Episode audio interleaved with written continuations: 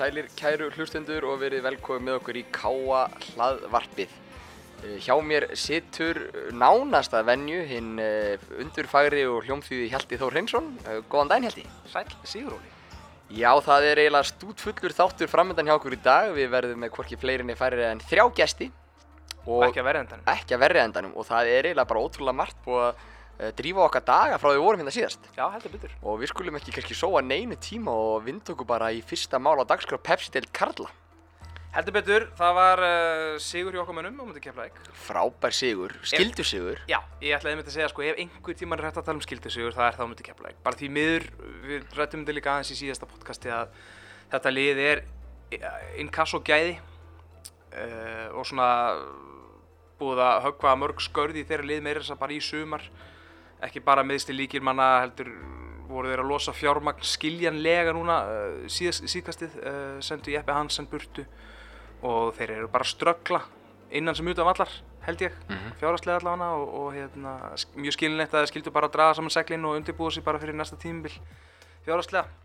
Ég, veit- ég, veit, svona ég veit ekki hvort varst umræðan um það uh, Vítin tvö sem KF ekki í leiknum. Mm, Þeir dæmdu, að Totti dæmdu bæði ekki víti í Pepsi-mörkun já, uh, Lítil snerting og dífa hjá Túfa kallaði hann þetta. Mm, Og svo sagði hann brot þegar áskeraður rúðan teig.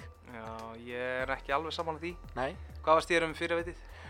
uh, mér, fannst, ég, mér fannst ég sjá snertingu öllum endursýningunum Já, Þrátt fyrir að hann bæði hann og reynir nefnilega tóku það að þeir eru ekki sér snertingu. Já, Og svo fannst mér Júber út þegar geira sem lautin teig En hann dre- dre- dregst inn í teig og hann er komið fram hjá já mér fannst brotið halda hans áfram sko. Já, ég, mér fannst alveg mjög réttilega að dæma- að dæma- að dæmi vítið þar. Já, ef ekki að segja sko annað er að sé 75% hitt hitt 25, þannig að það er alltaf að eitt víti. Jú, jú, þetta jafna síðan út yfir sumarið eða ekki? Gamla klísjan. Gamla góða. En mér fannst mjög mikilvægt að Elvar Átni skildi skora uh, Þó þetta hefði bara verið víti hérna gæðslappa uh, Hann er komið fjögumörk í sumar. Uh, Við höfum minnst á það áður hérna að við væntum mikil sánum fyrir tímabilið. Mhm. uh, Þú dróst hann vagn eftirminnilega Æ, náttúrulega lestastjóri á Ella vagninu. sko. og hann var frábær á undirbúinstímabilinu og hefur síðan ekki náðu að skora nógu mikið í deildinni e, þangað til núna, skoraði tvö mörg og komið fjögur sem, er, sem veit vonandi gott á þennan mikilvæga endarsprett og uh, Ásker kominn tíu mörg Mhm. sem er frábær árangur í honum Áskýrum við ætlar að koma til okkur í spjallinu rétt að eftir. það verður mjög gaman að heyra hvað hva Geri segir og tímabilið á honum, hvernig, hvernig hann lítur á það hvort það sé fram á vendingum eða, eða hvað Mhm. En það sem að mér fannst kannski mikilvægast í þessum leik eh, á móti Keflavík var að ná inn fyrsta markinu. Keflavík byrjaði bara mjög vel, Krafti. mjög sterkir og ég var skítrættir um til að setja marka á okkur og fá okkur pepp allt í einu og, veist, og fólk að ég drífa það áfram bara, heyrðu, þannig bara séns á stíi eða jafnvel stigum en að, að skora fyrsta markið og bara drepa þar vendingar var krúsjál og eftir það fannst mér þetta bara að vera frekar safe. Það er nákvæmlega málið eins og segir, þetta er inkasso gæði, við sjáum bara inkasso litlum í undanúrsliðum byggarnum. Mm. Þannig að leið og þeir fá sjálfströstið, skora undan, úrst, já, heimavelli, eitthvað svo leiðis, að þá er, þetta, þá er, þá er hætta. Algjörlega. Og þeir eiga eftir að koma út í alla sína leiki sem eftir eru guns blazing, sko. Já, þeir verða að gera það og, og vonandi er einhver drivkraftur til þess að, að þeir klári tímabilið með sóma.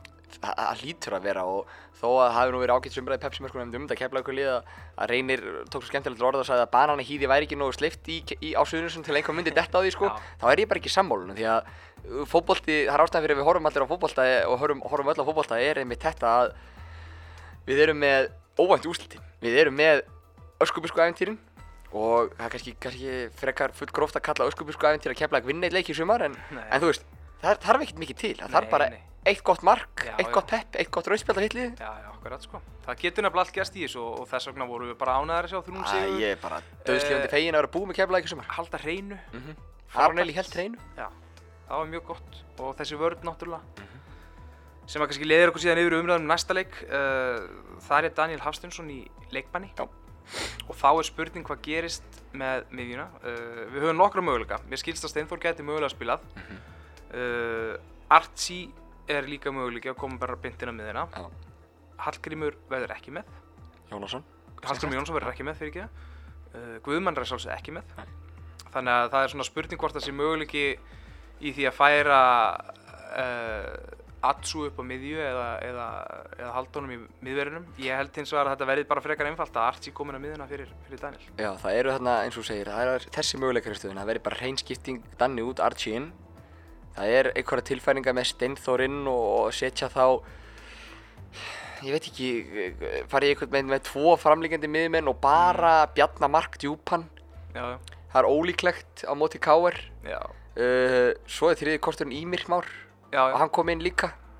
Ef að Steinþór, þú veist, er ekki heilli eða hvað sem er þá er Ímir líka frábæð kostur. Ég væri alveg til í að sjá líka Hallgrí Mar bera boltan Já. þarna að miðunni. Já. Þú veist, taka, leifa Bjarnar Mark að vera aðeins meira afturlíkjandi og, og Hallgrí Mar uh, bera meiru boltan. Já. Uh, hann hefur átt uh, misjamt tímabil mm -hmm. og á, á mér finnst meir inni og það er kannski bara komið tíma til að gefa hann smá eitthvað nýtt. Já, bara hlutverk eitthvað þarna Það verður gaman að sjá hvernig Túfa stillir upp hvort hann uh, fær í 4-2 þegar á 1 eða 4-4-2.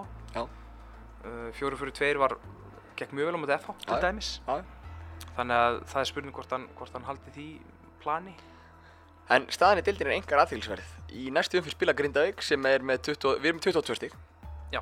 Og Grindavík sem er með 23 stík spila næstu umfyrir við stjórnina. Á rétt. Uh, KR spila við KA, þeir eru með 23 stík líka. Og Nei, K er með 24 KR með 24 og fyrir FH með 23. Já, FH með 23. Og ég mann reyndar ekki nákvæmlega við hverja FH FH-engarnir spila, hvort það sé ekki bara fjölnir eða fylgir. En, en en, ekki skiptir kannski ekki máli í stóra saminginu, en það sem skiptir máli í þessu er að með sigri á sunnudaginn á móti KR, þá eru konur upp fyrir KR og ef að stjarnan klára sinnleik á móti, þar sem stjarnan er nú í hörku titil bara við val og, og breyðablík og þeir klára sinnleik við, við hérna Grindavík, að þá eru við fyrir eftir úrslutum F og annarkort konur í fjóraða eða fymta sett deildar. Já, við erum alltaf hana tímabundi í Europasæti uh, ef við vinnum. Já. En það sem ég held bara, auðvitað er, er geggja að fá þrjú stík, en ef við vinnum Kára heimaðalli, þá gefur það okkur andlega brjála búst inn í lokasprettunum deildinni. Já. Ef við töpum hins vegar, þá held ég að við höfum ekki séns Europasæti. Nei, Þá held ég bara að, að, að við bara svona einhvern veginn klárum bara tímabilið með sæmd og svona og eitthvað og jafnteflir er ekkert rosalega spennandi heldur en ef við vinnum þá er þetta mjög spennandi. Þetta er mjög spennandi en, það má ekki gleyma því að ef við horfum á töfla akkurat núna þá erum við búið með fjögur af fimm liðum fyrir neðan okkur. Já. Við eigum bara eftir að spila Víking Reykjavík aftur. Síðan eigum við eftir Grindavík, KR, Stjörnuna, Val og Breiðablík. Mm. Þannig að það er hörku, hörku leiki framöndan. Já, við hefum mjög erfið að leika eftir, það er Mhm. mm program en, en, og tvo, tvo leikja mútið liðum sem eru þarna í kringum okkur, Káir og, og, og Grindavík.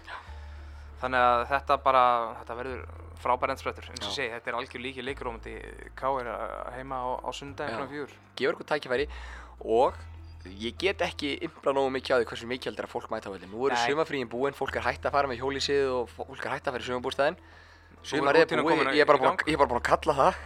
Það er bara komið vetur. Já, Það er komið haust og rútínan er að fara í gang, skólan er að byrja og nú hefur fólk bara enga ástæð fyrir að mæta ekki öll. nei, það er hárétt. Uh, það voru hvað 560 ræður held ég á FH-leiknum sem er allt og lítið þegar að FH er í heimsókn. Já, Nú er annar rísi í heimsókn Káir og við viljum bara sjá þúsum á svo vellinu. klálega. Það er bara slis. Það er bara svolítið. Við Uh, viljum bara gera kurf á það. já, og það verður uh, djöfis umgjör hjá okkur á sunnundaginn. Það verða uh, fríar pilsur og Ég elska fría pilsur. það er, sko, frí pilsa er betri en, en, en, en pilsur sem borga fyrir, sko. Eh, já, Það er bara svolítið. já, já. Og það verður einhver stórmeistarar á, á hérna, grillinu. Já. Það verður ásmiðhættrætti, það verður hérna, andlitismálun, það verður krakkaleikurinn okkar í hálfleik og alls konar skemmtilegt. Þannig að þetta verður bara fullkominn dag til að taka þrjú stífandi kár. Já, flottu leikti mér líka fjúr. Það er fínt að taka eitthvað rólegt á sundaginn og, og taka vöflukaffi klukkan 2 bara og drífa sér svo völlin. Já, ekki bóða mikið af vöflunni, en pilsnaður góða líka. Það er rétt. En við ætlum að fá Ásgeir Sigurgjörsson til okkar í heimsókn. Við skulum hérna sjá hvað hann hefur um uh, bara tímanbili að segja. Já, hann er sestur hjá okkur, Ásgeir Sigurgjörsson, ekki ólimpíu farin þó í, í skotfimi, en hann er þó nokkuð skotfis. Verður velkomin Ásgeir. Já, þakka ekki alveg fyrir.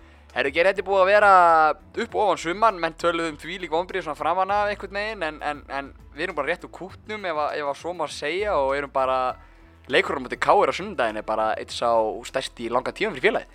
Já, það er, það er rétt hjá þér. Byrjum uh, kannski undir vendingum bæði hjá okkur og öðrum og hérna en höfum við verið að stíga bara í allt sumar stígandi í liðinu og hérna og stórleikur sundaginn sem að hérna bara mjög mikilvægur fyrir alla og hérna ótrúlegt eiginlega við séum í þessari stöðu með hvernig um talið er búið að vera um, um okkur sko. Sko, var það einhver hug, var einhver breyting hjá okkur eða var þetta bara einhvern veginn erfið fæðing?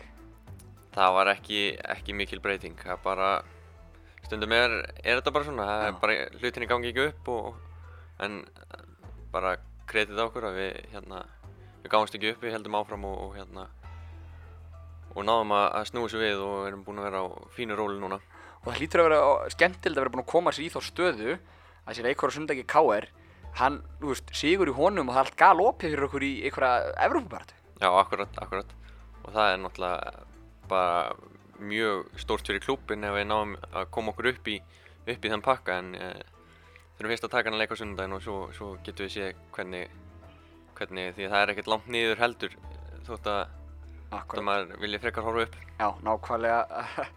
Þetta er, uh, þú sjálfur ungur að árum en samt með er svona svolítið skemmtilegan feril að baki. Þú er náttúrulega elst upp á húsæk og þú er náttúrulega fyrsti húsíkingur sem kemur til okkar í podcastið. Ég hérna við erum búin að koma nokkrir uh, og ég spyrði alltaf það sama sko hvað af hverju er þetta svona einkjörandi fyrir húsíkinga að þeir virðast einhvern veginn þrátt fyrir smæð bæjarfélagsins ná langt í fótboll af hverju?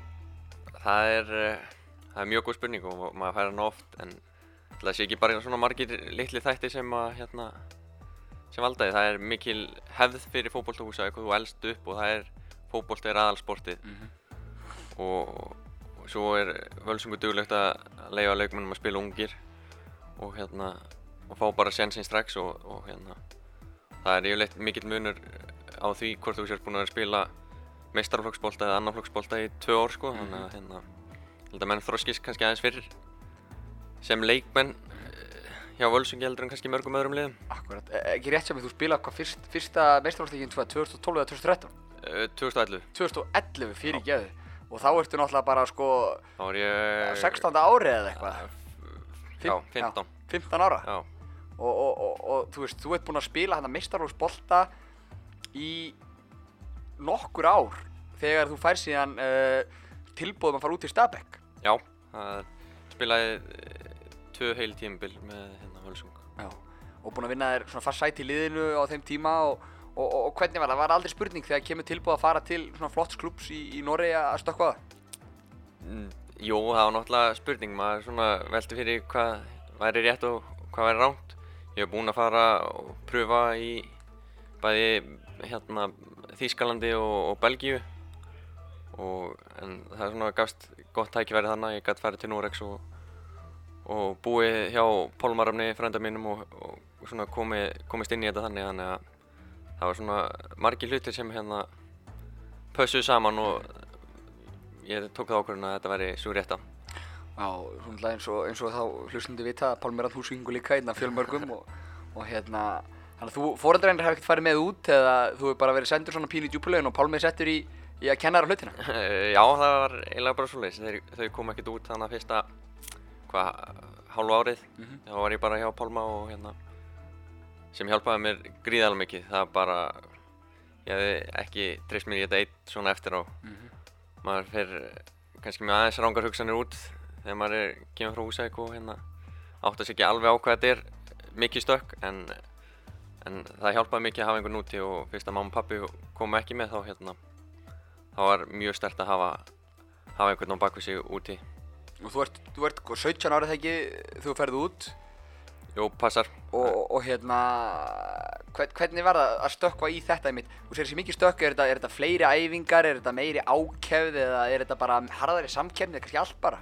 Þetta er, það er bara allt, það er bara umgjörðin, það er æfingar, fleiri uh, og harðari og þú ert kannski ekkert mikið að, þótt að náttúrulega þú eignist alltaf vini þá, þá er ekkert allir sem vilja vera viniðinir þegar þú ert komin þann út sko en hérna, en líka bara, það er stór stökk að vera, fara frá mömmu og pappa sem ert búin að vera bara í mat og, og Pínu ver- vernduðu umhverfi. og stökk út í að allt í eh, þannig sé einn. Að, að pæli hvernig þú farið kerntölu í Nóri og liðir að hjálpa þér við einhverja svona hluti sko. Já, já. sem þú hefur aldrei pælt í áður hvernig væri hluti af þessu. Nákvæmlega. Uh, hvernig gekk þér samt svona uh, fótboltalega fyrst, fyrsta árið í Norri? uh, það gekk bara mjög vel. Ég var að æfa, æfði yfirleitt með aðliðinu hjá þeim og spilaði með varaliðinu og hérna og svona stóru leikina hjá 19 liðinu sem var mjög gott hjá okkur. Þannig að við vorum stóri í Nóri bæði bæði þekkti fyrir að vera að hleypa uh, ungum mönnum fljótt upp í upp í aðlið og, og hérna og gott yngri flokka starf. En svo eftir hálft ár þá, þá slít ég crossband. Þannig að það var svona fyrsti skellurinn og hérna og það var bara mjög erfitt. Já. þannig að eftir það þá fer ég aðgjör úti og sem ég semnast og, og eh, ákveða að koma aðeins heim og klára skólan og einbytta mér að því aðeins eh, og hérna en eh, en lærði mjög mikið bara á, á þessum tíma þegar ég meittist Þú þurft að þroskast hansi hratt þarna í, í svona baráttum sæti í, liðinu og svo sleitur og crossbund og, og eins og segi bara það hefur vendilega verið pínu þroska, þroskastök líka. Já, það, er, það, var, það var mjög, mjög erfitt bara andlega hérna, að vinna úr því en hérna, það hjálpaði mikið að hafa Pálma og, og svo náttúrulega flutti hann þannig heim uh, hálfa ára eftir að þetta gerist þannig að ég var einn aftur og, og þá svona einhvern veginn var maður bara að bera ábyrgð á sjálfum sér og, og, og stíga upp sko það, en, en svona eftir að hyggja þá hjálpaði mér þetta mjög mikið bara bæði í fótbolltæla og bara sem persónu sko. Já. Og, og þú kemur síðan eh, í kjölfarið meðslun alltaf með þess að- eins og segir aðgerið missetnar, þú ert lengi að jafna þig. Uh, síðan svona, fer svona líða því að þú ert að koma til Káa. Hvernig kemur það til? Sko ég verð klár um haustið 2015 þá spila ég mína fyrstu leiki með varliðinu og úlingaliðinu og næ einhverjum sex leikjum það haustið Akkurat, áður en áður þetta en að- tímabili tí- klárast. Já, akkurat og, og þegar þú ert í varliðinu núti þá er þetta svona blanda af úlingaliði og aðaliðinu og, og hérna og mér fannst ég vera búinn að missa af það miklu og hérna, ég þyrfti að komast í bara heilstift lið sem að væri að æfa saman allan daga og hérna og skoðaði bara möguleikin og möguleikana bæði úti og, og hérna heima og fannst ká að vera þeir voru að stíga stór skref að reyna að koma sér upp í Pepsi og, og mikill metnar þannig að hérna leist mjög vel á það og hérna stökk á þann vagn Og, og hjálpaði það til að það voru húsvíkingar fyrir hérna eða skiptaði kannski engum máli?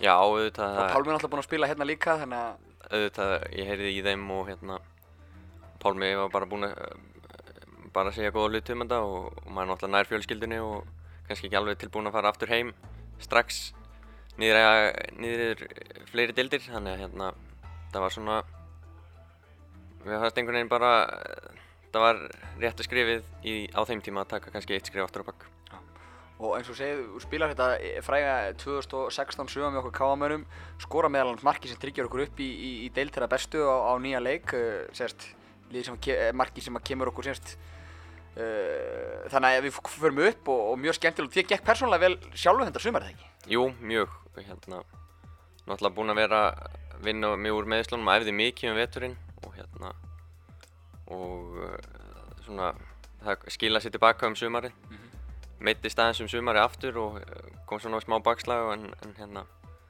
en svo eftir það þá var þetta, gekk allt upp, bæði hjá mér og, og liðinu. Já. Og, og síðan, sérst, uh, byrjar þetta fyrsta undirbúinu tíðanbíl Káa fyrir Pepsi 2017. Uh, þú hefur samanbörðin frá í Noreg, er, er mikill munur? Er, er hérna, þú veist, við vitum að Stabækka er atvinnumanna klúbbur, en, en þú veist, hver eru svona helstu munurinn á að vera alltaf að spila í Pepsi-deldinni og síðan í, í, í Efstu-deldi í Noregi? Það er eins og segir, það er að Starbucks í atvinnumannaklúpur er náttúrulega bara hvað félögin geta æft. Tölvert meira þótt að æfingarna hérna á KSU mjög mjög eh, langar og erfiðar þá hérna er, er menni bara að einbytta sér að fótboltanum að núti og hérna og mun stittra tímabil þannig að hérna undirbúinstímabilið þarf að segja þannig að hérna það er gæðarlega er ekkit rosalegu munur en það er munurinn eiginlega sá að það eru átján jafngóðir menn að berjast alla daga eh, klukkan tíu. Nákvæmlega. Og sumarið 2017, uh, fyrsta sumar Káa sem félags í, í Pepsi-deldi ansi lengi og, og eftirvæntingi mikil. Hvernig fannst þér sumarið í fyrra ganga? Við byrjum náttúrulega mjög vel Já. og kom og var svona meðbyrð með okkur hérna í byrjun tímbils í fyrra og, og, en svo einhvern veginn svona fjara aðeins undan og hérna við náðum ekki alveg að halda svona þeim dampi sem við höfum viljað í gegnum allt tímabilið en eh, náttúrulega fyrsta tímabili í efstu dild og hérna margir að læra og bara félagið aftur að koma sér á þann stað þannig að en uh, bara fínt sísón þannig séð svona heilt yfir Já. Og, og þá er kannski komið svona eins og fórum aðeins inn á í byrjun tímabilið og hérna í ár byrjaði brösulega en, en, en sem segir risaleikur á sunnudaginn um eða lætt að stilla honum pínu þannig upp á hans að setja ykkur að pressa á því geri að ef við vinnum þá erum við erum bara ef við töpum þá er svona miðjum og jafnvel úsliti fyrir neðan okkur með eitthvað að fara að pæla aftur í því. En þú sjálfur, þú ert búinn að skora tíu mörk í sumar. Ertu í toppstandi? Ég er í toppstandi, ég er hérna búinn að vera góður eh, núna bara í allt sumar sem skiptir miklu máli.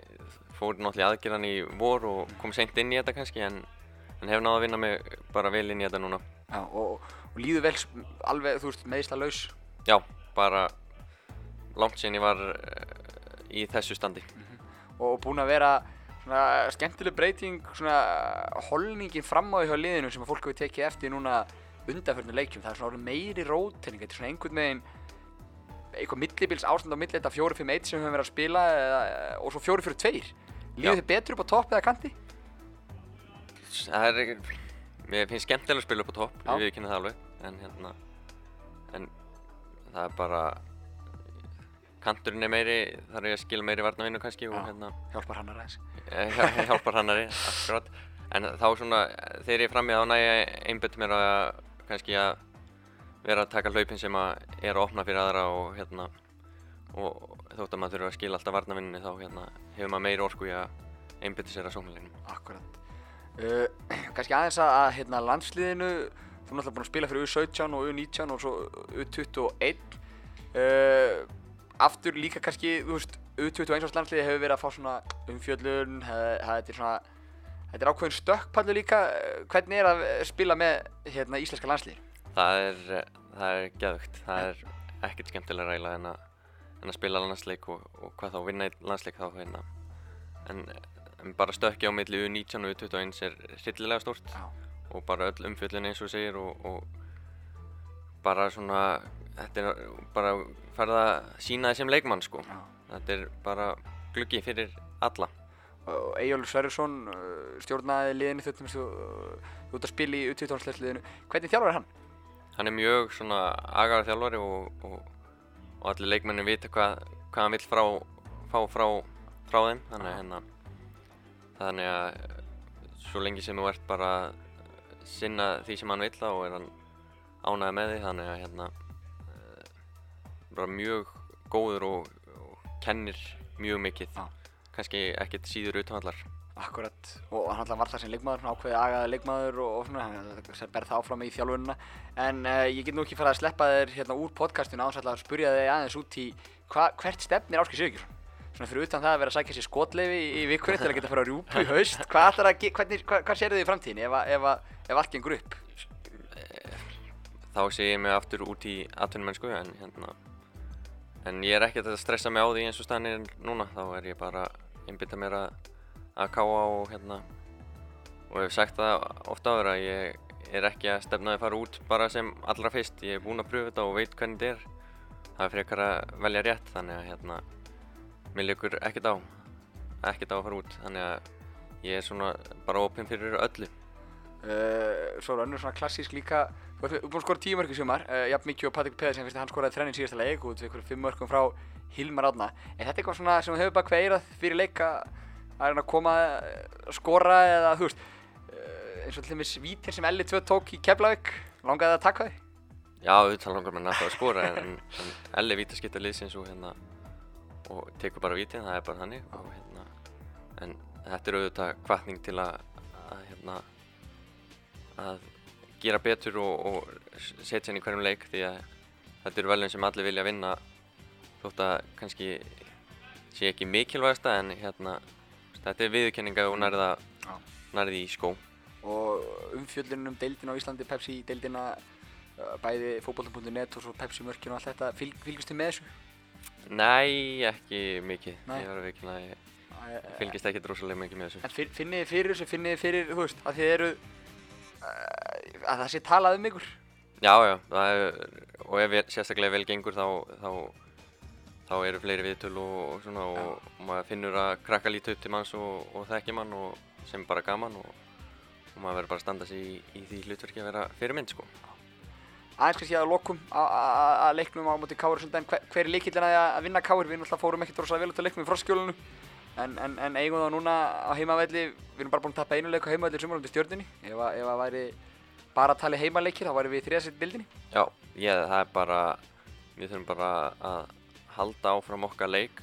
Við hérna, erum bestir í, í því að, að kannski að liggja hans aftur og, og breyka svo á liðin. Þannig að ég held að það sé nummer 1 og 3 að menn sinni varnar skildunni og, og, hérna, og við erum alltaf klárir að, hérna, að brjótast í gegn þegar, þegar það er séns. Þá hérna, en 1 og 3 bara halda, halda skipulagi og vera þólmaður að, að hérna, sitja á þá.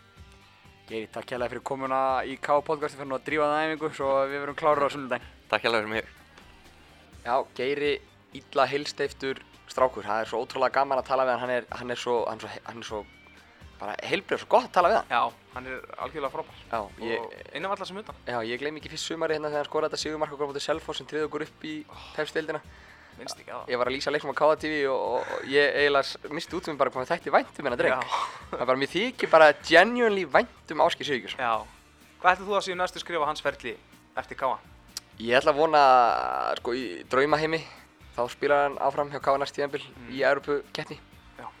Og síðan vona ég hans vegna að hérna, einhverjum góðu tíðanbúndi, hann breyki út, breyki inn í alansli, hann er yfir 21. Já.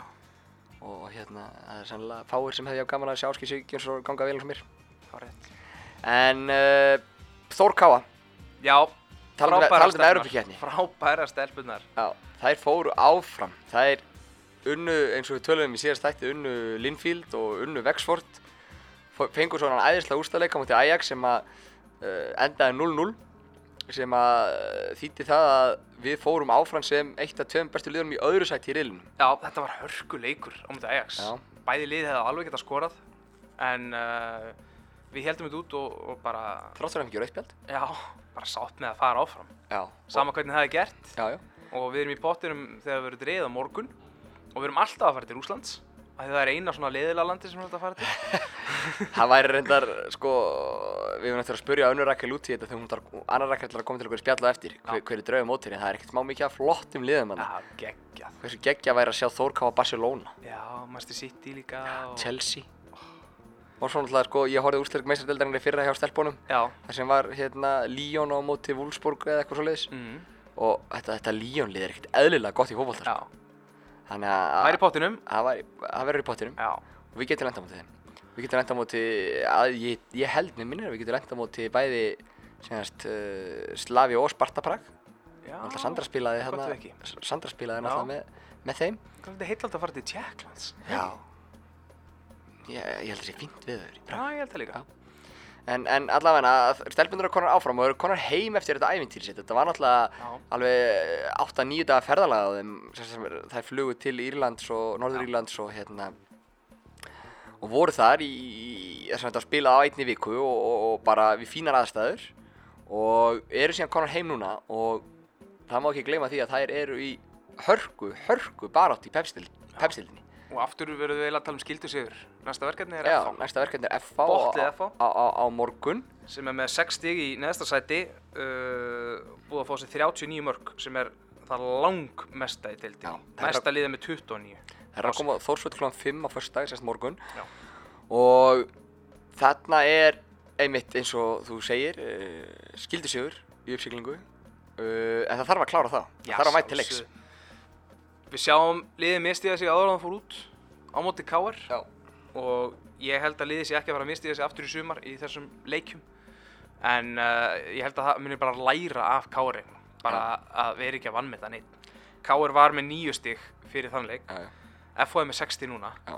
Þannig að þú veist, jú, jú, auðvitað tölum við um skildu sigur en, en Káar var þá búið að vinna þrjáleiki og FH er núna búið að vinna tvoleiki Mhm. þannig að veist, það getur allt gerst. Þannig að þessi úrslit á móti Káar kannski svolítið síndu það sem að ég kannski svona, ég held að margir hafi ekki endilega verið ánæðir að, að, að hérna, ég er að tala um svona almennt að, margir vilja meina að deildin sé það tvískipt að það sé bara eiginlega hægt að bóka úslit fyrirfram og sé ekkert gaman að horfa á þetta og fylgjast með þessu. En, en þessi úslit svona síndu það allavega að, að hérna, liðin í neðri hlutunum geta velt hinnum undir augum þannig að Engi spurning og, og það er þetta skemmtilega prógram síðan framöndir á stelpunum. Blikar, innan gæsalappa mistugur sem það gerir jættefli við IBVF á fyrstæðin var, sem geði það að verkum að það eru tveimur stöðum fyrir ofan okkur í dildinni, jafnmargi leikir búnir.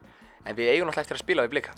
það verður svakar. Það verður svaka leikur. E, e, það sem er að drepa þetta pínu fyrir mér, romantíkin í þessu er að þetta er þriði síðasti leikur í okkur og Já. e, næstu tveir á eftir eru sko Valur og Stjarnan. Já, Þannig að, að liðin í kringum okkur, uh, þó svo sé nú ágættir skap hann á milli sérstaklega nýri stjörnuna en, en valsliðið er svona tveimur uh, sigurum, tveimur mistíðum frá okkur, uh, sex stíðum undan en, en við eigum sérst F á næst og síðan Selfoss Já. og síðan er þetta bara, við eigum leik við hinn þrjú topplið. já. Það er bara það sem að sker uh, úr um titilin. Það er bara svo einfalt. Já. Ég held að við vinnum hennar F-leik samfærandi. Þetta er svona klassísku 5-0 sigur. En Hvað heldur þú, þú mikli spekkingur um að, að, að við eigum þessa fjóra síðustu leiki, Val, Breiðablík og stjörnuna í september og það er líka spilaði mestrarildin í september. Við spilum Já, já. 15. eða 16. september og síðan aftur 29. og 30. Það verður brjálað álag. Brjálað álag. Við sáum aftur með káleikin. Mögulega var Evrópakeppnin að trubla þar. Já, já. Og nú erum við að fara að berjast á, á hæsta level á tveimum vikstöðum. Og það verður bara ströggl. Það er bara svo lis. uh, sko verðugt verkefni framöndan algjörlega og, og nú er að, að fara að koma í ljós úr hverju steltnar eru gerðar. Við höfum svo bullandi trúaðið að þeir munu klára þetta og, og standa sig framúrskarandi vel á báðum vikstöðum. Það er ekki nokkur einasta spurning. Þannig að þetta verður uh, gaman að sjá hvernig Donni stillir þessu upp og, og, hvort hann sé að fara að rótera liðinu mikið. Er hann að fara að kvíla leikminn með Európa-keppni í huga eða ætlar hann að leggja jafnvel alla áherslu á uh, deildina, klára hana. Uh, hv- hvernig verður drátturinn, erum við að fara í langt ferðalag, erum við að fara í þægilegt ferðalag, erum við að fara í anstæðing sem við kannski eigum engan séns í og erum kannski bara svona þá bara svona, æ ok, þetta er þá bara bónusleikur. Það eru, þá er ég að tala um svona liðin svo Líón sem við eigum bara ekki séns í. Akkurat Eða erum við að fara að mæta hérna einhverju liði frá, ég man ekki hvaðan eins og öll þessi liði eru náttúrulega, erum við að fara að mæta einhver finnsku liði eða dönsku liði sem við kannski eigum séns í og erum þá bara að fara all in í það. Akkurat Þannig að þetta verður svona spennandi, náttúrulega má- haustmánuður hérna og, og ég er mjög spenntur að sjá hvernig Donni uh, svona spilar úr þessu. Akkurat, lögadaginn 8. september spilum við breyðarbleik á Kópavásvelli og viku setna á að spila þennan mistrættileik hvort sem að við draugust heimaleikin á undan eða ekki ég vona að við fáum heimaleikin á undan út af því að þá eru Pepsi-deildin búinn hún klárast 22. september og síðan á að spila setnileikin 30. september í, í, Já. í þeirra tveikjalegu úrslutunum Já. uh, ef við fáum hins vegar heimaleikin ekki undan þá vorum við að fara í ferðalag strax eftir blíkaleiknum og væntalega þarf að færa valsleikin sem er settur á mánudaginn 17. september og þetta verður Þá þarf að færa alla umferðið. Akkurat, því að þetta er næst síðast umferð. Þannig að mótvarstjóri KSI lítur að klóra sér tölvört í haustum þess að dana hvað hann gerir þegar þetta er afturinn kemur þegar hljóta að vera vantarlega fannir að, að pæla eitthvað í þessu. Já, En, en Anna Rakel er kominn og, og við ætlum að, að fara að spjalla við hana og heyra hvernig var í, í Europakettinni hjá henni. Sjá okkur er sest, engin önnur en Anna Rakel Pétursdóttir, sjaldan kallur reyndan eitt annað en Rakel, þannig að ég held með við það, velkomin Rakel. Takk fyrir. Uh, Rakel, er náttúrulega, fyrsta spurning hlýtur að vera hversu geggja var að vera út í meistaradildinni og fara áfram. Herðu, það var bara ógeðslega gaman. Þetta var bara mjög skemmtileg upplifun og eitthvað sem að mann er búin að dreyma um bara frá því maður er lítil. Uh, ef þú fer aðeins með okkur í gegnum þessa leiki, fyrstu tvei leikið til Linfield og Vexford, svona auðveldari, en, en samt væntalega ekki auðveldir það nokkuð. Nei, auðvitað ekki. Það er náttúrulega engin leikur auðveldur. En já, þetta var svona að við vissum eiginlega fyrirfram að við værum betra liðið. Þannig að það líka reynir mjög mikið á að það náttúrulega má ekki vannmynda neitt lið. En já, þetta voru bara erfiðir leikir allir, þótt miserfiðir. En já, bara mikilvæg 6 stík hann í þessum fyrstu tveim leikjum. Og hvernig var síðan undirbúningun fyrir hennar úrslaleika móti Ajax? Fóruð þið inn í leiki vitandi með eitthvað að þið getur gert jættefli eða uh, hvernig var undirbúningun? Sko, við hugsaðum ekkert um að ná jafntefli, við ætlum bara að vinna leikinn. En hérna, já, svo endaði þetta í jafntefli og við vorum bara að býða eftir leik til að sjá hvort við höfum komist áfram eða ekki. Þannig að það var mjög, mjög stressandi. Akkurat. Uh, Síðan tekur Donni mjög, svona allavega sem blaðmaður MBL sagði, mjög áhugaverðið að undarleg skipting. Einu færri, tekur Lilli út af og setur Karimar í markaskorur inn á. Hann ætlaði bara að sækja sér sigur. Einu færri. Já, ég hef allan að heyrt að sko áhörundin í stúkunni hafi verið að láta söndru og það er svona á vinstri kantinu vita að jafntefli dugði sko, Já. en ég veit ekki hvort að Donni hefði fengið þau skil, skilabóð, Ok. þannig að eðlilega vildi hann bara ná Sæll. sigur til þess að vera pottitt áfram. Akkurat. Og, og fyrir svona okkur sem náðum ekki að sjá, náðum ekki að sjá leikinn, voruð þið betri, voruð þið slakra, voruð þið minna um boltan, meira um boltan, svona hvernig spilaði þessi þetta, þú veist, voruð þið orðnar stressaðar að fá okkur mark frekar en hitt? Sko, nei, ég get ekki sagt það, af því að við vorum alltaf búin að halda hreinu í báðum fyrstu leikjónum, þannig að, en auðvitað er varnarleikurinn alltaf mikilvægastur, þannig að við le- leggjum alltaf mikið upp með hans, hvort það sé, sem við í Pepsi-deildinni eða hvað. En við auðvitað ætlum bara að reyna að vinna og sko, já, leikurinn var freka jafn, þetta voru náttúrulega bæði hörku lið, en þú veist, það, þetta hefði getað dottið báðum megin, en við vorum samt, já, mjög ástu bara að standa okkur mjög vel og við erum sátt með leikin okkar. Já. Konar er þrjátt tveggjalega úrslit og þið eru konar í svona útsláttarkeppni form, nú er bara útsláttarkeppni svona eftir eða spila 32 úrslit núna um miðan september og lok september síðan eru 16 úrslitinn þegar við förum þangað þá er það í oktober og byrjum november Já. og svo er klára, klárast keppnin á nýju ári Já. Það verður dreigið á föstudaginn Já. Hvern, hver, hvern langar þið að fá í heimsókn til- Akureyrar? Og hvert langar þið að fara? Sko, það var náttúrulega alltaf gaman að fá eitthvað stórlið, þannig þú veist, það er náttúrulega hörku góð liðana eins og Lyon og Barcelona og Chelsea og eitthvað, þannig að það væri ótrúlega gaman að dragast á móti einhverjum af þeim liðum. Akkurat og, og, og væntanlega s- þið finnir svolítið fyrir það ekki mér finnst einstaklega hafa aukist núna stuðningurinn ykkar í bænum þið eru bara, það er allir á bakvið ykkur er Já. það ekki geggjað? Jú, það er ókslega góð tilfinning og bara stöðningurinn er búin að vera bara til fyrirmyndar bæði núna í sumar og síðastu sumar, þannig að það er alltaf gaman að sjá bara, og umfjöllunin hefur aukist töluvert sem er náttúrulega jákvætt og bara um hvernarknarsmyndu bara almennt, þannig að þetta er skrefið rétt átt. og uh, aðeins að deildinni þið tapið síðasta leiknum fyrir meistardeldavikuna Já. á móti svona nokkuð óvænt að margra mati eins og þú sagðir að það má ekki vann með þetta neitt lið en, en svona á pappirunum þá eigum við að vinna Káir góðan degi var, var þetta eitthvað trublingur áttu við bara slag, var þetta bara slaku dagur Káir koma óvart, hvað hva, hva klikkaði? Sko, mér fannst til dæmis hérna K.R. bara leggja leikinn upp mjög vel og þær voru lása okkur alveg en samt áttu við líka ekki okkar besta dag og það getur auðvitað alltaf gerst þannig að við, við lítum bara á næsta verkefni og tókum og komumst áfram meistaradeldinu og ákveðum bara að nýta pyrringin þar. Og já, og, og því svona innan gæsalappa heppin, IBF og breyðarblik er í aðtöfli núna síðust umferð þannig að við erum tveimur stigum á eftir breyðarblik við toppinn og næsta verkefni okkur er FH á föstudaginn. Hver er líkillina því að vinna FH? bara spila okkar leik held ég. Bara stemmingin í liðinu er búin að vera rosa góð og það hefur hjálpað okkur bara gríðarlega mikið og já við þurfum bara að halda áfram á okkar striki og bara taka þrjú stig í hverju með einsta leik.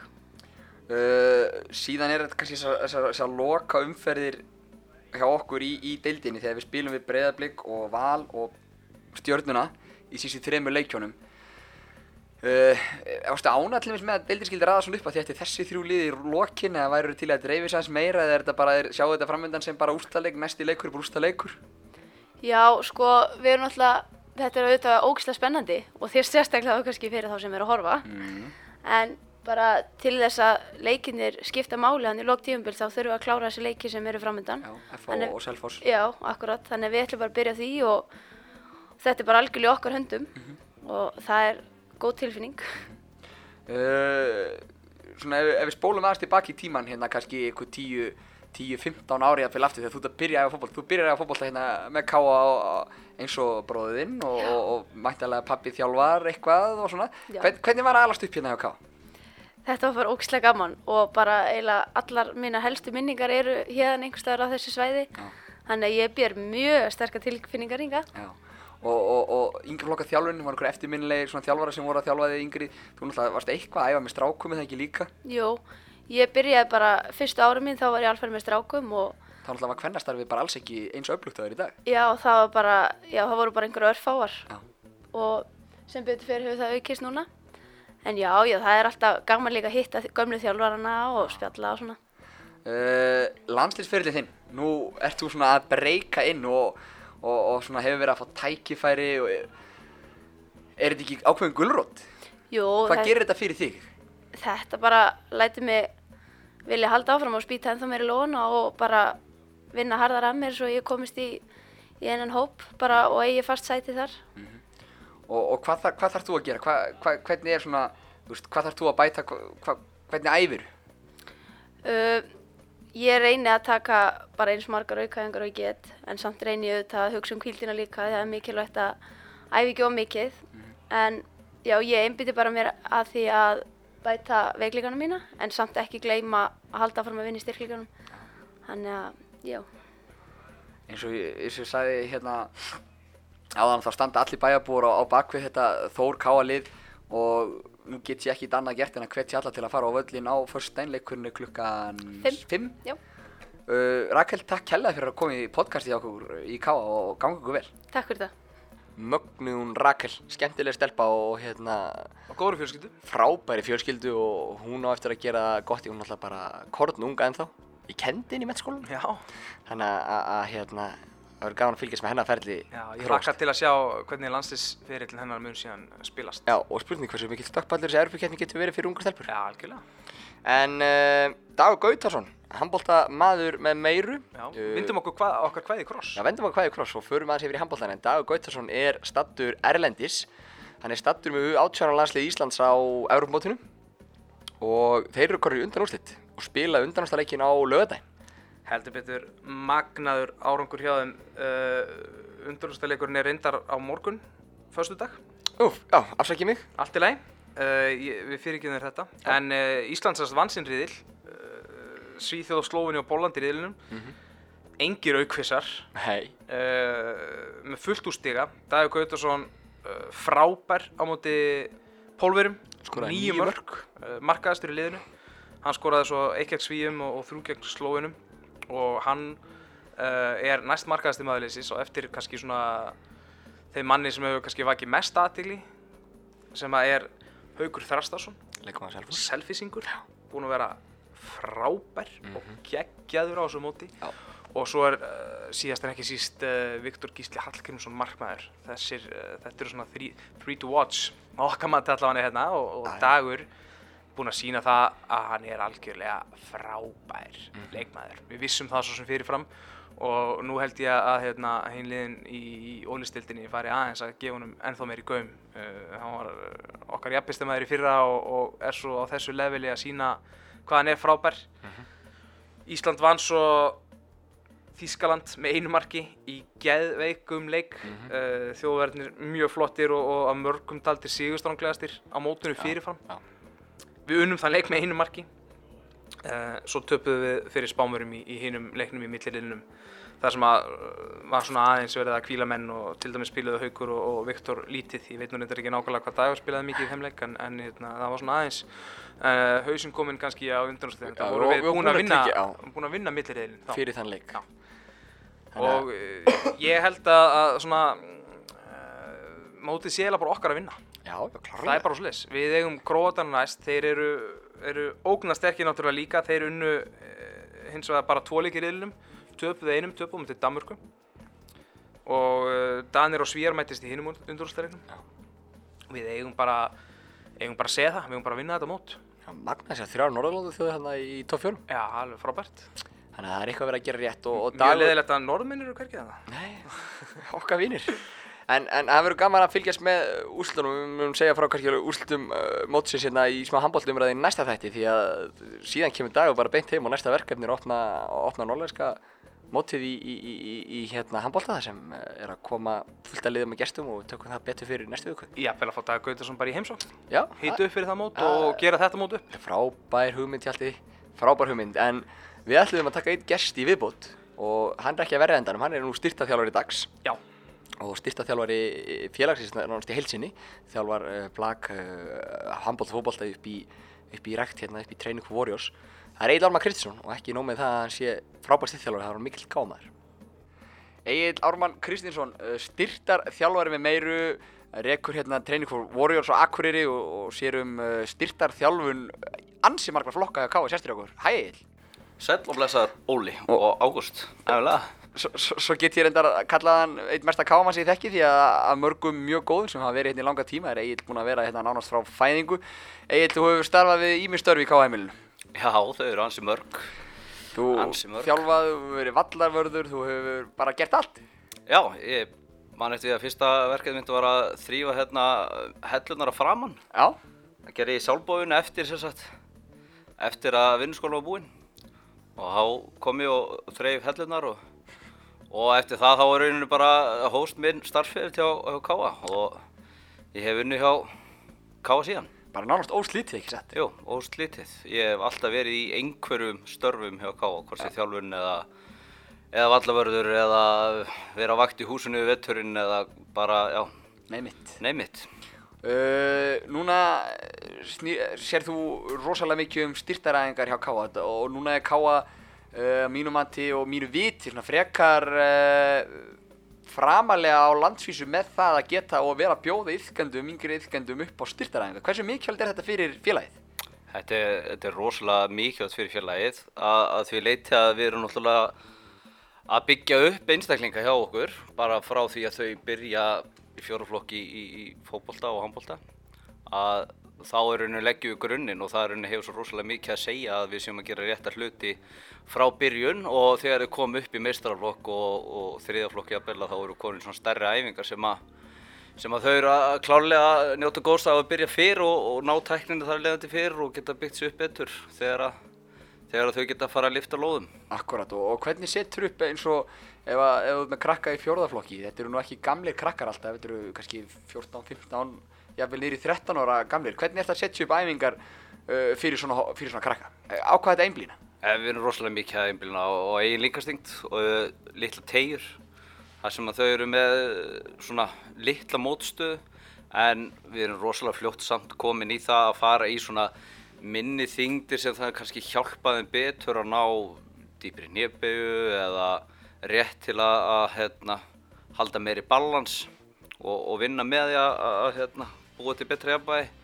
Þannig að þetta er svona mest megnis bara eigin líkastingt en það hefur verið hópar sem að hafa verið konir lengra og sérstaklega á stelpunar því þær eru fljótur að taka sér þroska. Þannig að það er auðvöldar að fara með þær fyrir inn í og tæk, grunntækni í olimpísku liftingu Og svo heldur þetta bara áfram stig vaksandi og, og, og, og tveir af þínum kannski svona stærstu hópum eða svona sem allavega eru mjög ábyrjandi hjá þér eru meistarlokku kall og hvernig í handbalta. Alveg klálega, alveg klálega og, og við erum búin að vera núna tvö ár með meistarlokk hvenna og við erum búin að vera að þróa rosalega mikið raunum bara svona okkar okkar leið, það hefur verið svona breyting á milli ára, við erum að taka út það sem að við höfum séð að hafi ekki verið nógu gott og bæta við því það sem að við þurfum að þurfum að bæta við. Og þar alveg kemur kannski gott fyrir meistarlokk kalla þegar þeir koma inn og að þeir koma raunin bara nánast inn í þetta kerfi sem við erum búin að þróa ég og, og, og Jonni saman. Og eh, þú sjálfur spila nú bæði handbólt og fótbolta hérna fram eftir árum upp annan flokk og, og, og uh, við vorum, það var ekkert svona mikil meðvitund um þennan líkalega þátt þá.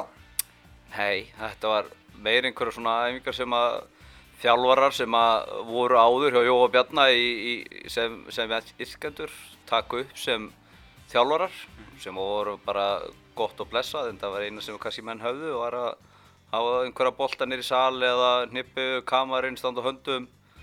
Þannig að nú er þetta búið að breytast allir mikið í að, gera svona krakkarna meira meðvitaðir um bara eigin líkama og beitingu og, og, og gera hlutina rétt heldur en að taka á kannski í einhvern x tíma og, og, og svo framvegis. Sérðu sama sem merki hjá krökkunum sem eru duglega að koma við þér, eru áhugasum á æfingum, sérðu sama sem merki með framförum á íþróttavellum Alveg klálega. og fylgistu með þeim? Alveg klálega, ég, ég fylgist með, ég held ég þekki alveg lígilega marga krakka með nafni í, í, í handbólta og fótbólta og, og það eru sérstaklega sérstaklega verið íta á stelpunar sem voru núna í fjóruflokki í vetur í, í, í handbólta að þær voru ótrúlega flottar og, og helst svona eða helst í hendu það að, að margar af þeim eru konar núna inn í æfingu upp í mestrarflokk í sumar og, og svo er, rauninni, er líka kannski eitt þáttur í þessu að, að þótt að krakkarnir séu kannski ekkert frábærir í, í handbólta eða fótbólta eða afverksfólk þar skiljið að þá hjálpar þetta þeim svo rosalega mikið bara út til lífið sko. og margir hópar sem að maður sér sem hafa kannski verið að ströggla í, í deildum sínum í, í handbólta og fótbólta en eru kannski geggjuð málum í, í líkalega þættinum. Já. Ég vildi óska þess að maður hefði sjálfur haft svona þennan grunn í staðan fyrir að fá bara prógram frá þjálfarunum, já, fara að taktu 100 hnjöpauður eða, hvernig sem það var, sko, og þannig að þetta er, er mjög jákvætt að þessi fólk sé að vera miklu meðvitaður um hennan líkalega þátt. Já, þetta er mjög jákvætt og þetta er náttúrulega bara miklu meiri vitund í þjóðfélaginu bara yfir höfuð að, að fólk sé að hreyfa sig. Við sjáum það að það eru, ég veit ekki hvað, sjö stöðvar á, á Akureyri sem að bjóða upp á einhverja hreyfingu og hann er að, þú veist, þetta er vitundavakning í þjóðfélaginu bara yfir höfuð og þess vegna er kannski gott fyrir klúpið svo ká að, að taka þetta og færa þetta, veist, neðar. En það að vera styrtaþjálfari, þú hlýtur að þurfa að fylgjast með, það er alltaf einhver framstóð, það er alltaf einhver breyting. Núna síðast í, í hérna vetur þá rak mig í Rókastans þegar ég sá selfisingana koma inn að spila byggaleikur, eitt mesta skemmtilegasta lið í ólistildinni fyrra og þeir fóru allir á lift í hátteginu. Já. Ég hef nú haldið að maður þetta bara að liggja fyrir á leikti og spara orkuna. Já, þetta er svona, þetta er dálítið sem að við höfum prófað líka með einstaklingum, ekki endilega liðinu sjálfu og svona langað að skoða svona þessa leið sem þeir hafa verið að fara. Þeir eru konur svona handbóltalega sé liftinga lengra heldur en mörgunni lið í, eða örugglega bara lengra en öll lið í, í ólisteildinni. Þannig að við tókum leikmenn eins og, og Dag Gautason og prófum þetta dálítið á honu síðasta vetur og Svavar Kongur kom aðeins með honum inn í þetta líka. Þannig að þetta er rauninni bara þannig að þú sért rauninni búinn að koma þér inn í vist álag, þú sért búinn að prófa líkamann áfram og gera hann undirbúin undir það sem þú ert að fara að gera. Und, undirbúin fyrir átöki. Undirbúin fyrir átökin, þannig að þú sért búinn að taka aðeins þennan part, búinn að fá púlsinn aðeins upp, búinn að vekja vöðuna, þannig að þú sért í rauninni klár endalega alveg þegar að þú kemur í leikinn staði fyrir að hafa leiði fyrir og vera að gera rauninni að byrja núlbúndi þegar leikurinn byrjar. Svona fyrir utan það að vera með sprengju og styrk og, og svona hjálpa leikmennum að hoppa hærra, skjóta fastar og, og vera sterkar í vörð, þá er þetta líka meðslafyrirbyggjandi, ekki satt? Sérðu, sérðu breytingu, sérðu þannig að við sjáum minni meðsli eftir því sem uh, þú nærði að hafa fingur meira eða sérst ef að krakkarnir eða leikmennir eru duglir að fylgja prógrami? Það er mjög, eh, mjög erfitt að segja á, þessari stundu, svo sem kannski ekki langt ferðalega sem við erum búin að vera með þessa hópa í, en uh, við hefum ekki lent í mörgum meðslum og, og þessi meðsli sem hafa verið er kannski meira, meira einhverju svona árekstrar eða eitthvað svoleiðis, minna lítið um tognanir og, og það er bara það sem við erum að horfa í, skilur, að reyna að hafa eins lítið um, um öðutognanir og hægt er og það, eru, það er hérna, það er mín vinna. Egil Ármann Kristinsson, styrtaþjálfari K.A. Takk kærlega fyrir að koma í K.A. podcasti. Ja, takk fyrir að hafa mig. Já, stórkostlegur Egil Ármann Kristinsson uh, hann á potti þarf að koma inn aftur til okkur í podcasti enda frá mörgu að segja. Hann er mjög invol- involveraður í handballaliðin okkar og, og, og, og fylgir ungviðin ok okkar eftir í styrtaþjálfum svona fyrir utan það hversu marga skoðar sögur hann hefur að segja káa sem mikil káamaður en uh, þá svona fyrir að styttast í þessu hjá okkur uh, langar svona að koma inn á áhugaverða uh, unga leikmenn og uh, góða leikmenn hjá til uh, Alexander Arnarsson í Blakinu, hann er að leika með allandsliðunum uh, þessar mundir. Svo er það Alex Máni Gerbó sem leik með uh, 15 á landsliði Karlaði Knatsbyrnu í liðinni viku. Síðan hér var stórkvæmst strandbaksmót uh, út í kjarnaskói síðustu helgi þar sem var bongo blíð og ég mæli með allir kíkja á f-síðan okkar k.is og sjáu þar mjög skemmtileg myndband sem Ágúst Stefansson tók saman. En það var að sjálfsögðu allt í beinni á KTV Við þökkum bara kjallaði fyrir í dag, minnum á stórleikjan okkar gegn FH á, á förstdægin klukkan 5 og síðan á sunnudaginn klukkan 4 á móti Káir á Greifavellinum og sjáum sem flest þá. Þangað til þá, veriði sæl!